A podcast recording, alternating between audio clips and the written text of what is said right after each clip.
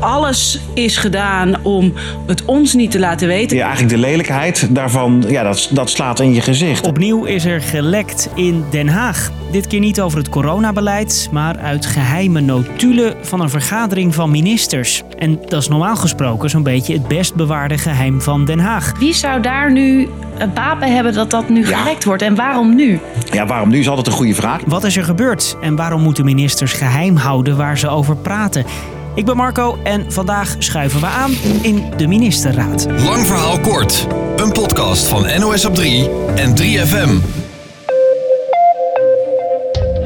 Het kabinet hield informatie over de toeslagenaffaire doelbewust achter. De afgelopen twee jaar sprak het kabinet keer op keer af dat de Kamer niet de informatie zou krijgen waar wel om werd gevraagd. Terwijl dat tot nu toe altijd werd ontkend. Opnieuw een bommetje in Den Haag. RTL Nieuws kreeg notulen van meerdere ministerraden in handen... waarin gesproken werd over de toeslagenaffaire. En daaruit blijkt dat ministers zich bezighielden met kritische Kamerleden. Zoals Omtzigt. Ministers zeggen dat volksvertegenwoordigers het kabinetsbeleid voluit moeten steunen. Ook blijkt dat CDA-leider Hoekstra in de ministerraad zei dat hij omzicht heeft geprobeerd te sensibiliseren. Oftewel, hij moest dimmen. En het ging ook over informatie achterhouden. Het kabinet kreeg heel vaak de vraag om documenten over de toeslagenaffaire. Bijvoorbeeld hoeveel ouders zijn gedupeerd of hoe lang speelt het al. Ministers wisten de antwoorden, maar stuurden ze bewust niet naar de Kamer, blijkt nu uit die notulen. Dat dit niet in de haak is, lijkt ook een minister zich te beseffen. Kan dit wel, vraagt diegene zich af. En opnieuw eisen Kamerleden van de oppositie volledige openheid. En als ook maar de helft daarvan waar is, dan is het uh, einde voor heel veel politici, waaronder uh, premier Rutte. Ik denk dat het belangrijk is dat nu de notulen van alle ministerraden openbaar worden gemaakt, waarin over het kinderopvangschandaal is gesproken. Ja, omdat je anders dit wantrouwen, denk ik, blijft uh, houden ook. Het kabinet schrijft nu een brief en de Kamer wil daarna in debat over de nieuwe informatie. Maar de missionair premier Rutte zegt nu, er is niks geks in die ministerraad gebeurd. Ik kan wel zeggen, er is bij het opstellen van dat feitenrelatie in het kabinet niets vreemds gebeurd of onoorbaar. Oké, Politiek Den Haag staat dus op zijn kop omdat de Kamer info niet kreeg. Maar ze wel al heel lang om vroegen. Dat is één. Maar er is nog iets. Er is gelekt uit de ministerraad. Hoe zit dat? En waarom is het allemaal geheim daarbinnen? Beginnen we even bij het begin. Elke vrijdag komen de ministers en soms ook staatssecretarissen bij elkaar in de Trevenzaal. De mooiste zaal van het Binnenhof. De platgoud spat er vanaf. Sinds wanneer wordt die gebruikt uh, voor de wekelijkse vergadering van de ministerraad? In ieder geval uh, is dat een vast gebruik geworden na de Tweede Wereldoorlog. En in die zaal wordt gediscussieerd over besluiten. Ministers brainstormen met elkaar en er komen allerlei opties voorbij.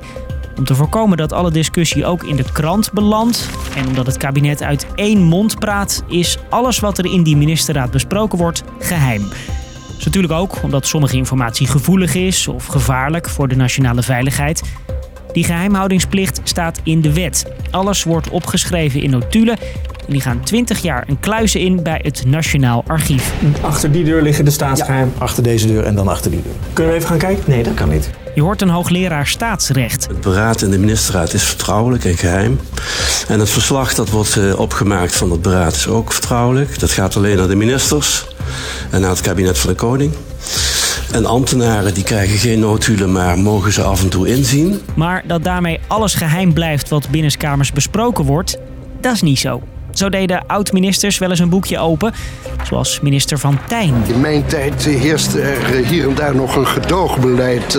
Hij schreef een boek met allerlei details over wat er aan tafel in de ministerraad besproken is. En hij was niet de enige. Maar mag echt niet, volgens deze hoogleraar bestuursrecht. Er staat in het wetboek van strafrecht dat iemand die zijn geheimhoudingsplicht schendt, uh, vervolgd kan worden. Er is wel kritiek op dat kabinet in het algemeen veel dingen geheim houden. Zo kan de Kamer ze bijvoorbeeld slecht controleren. Eerder lekte dus al wel eens wat uit, uit die ministerraad. Maar dat de notulen op straat liggen, dat is volgens de experts voor het eerst.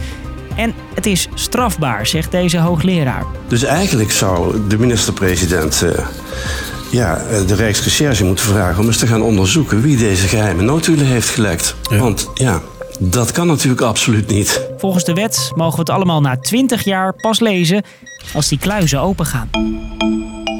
Lekken is dus strafbaar. En nu is er info naar buiten gekomen uit een van de meest geheime vergaderingen van Den Haag.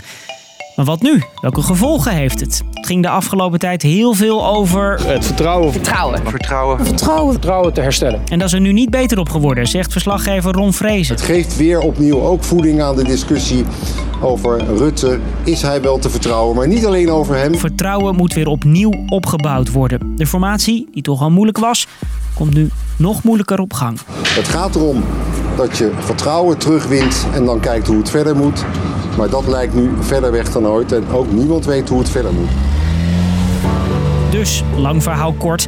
Een lek uit de ministerraad mag niet volgens de wet. Het is strafbaar, maar toch is het gebeurd. Opnieuw weten we meer over die toeslagenaffaire.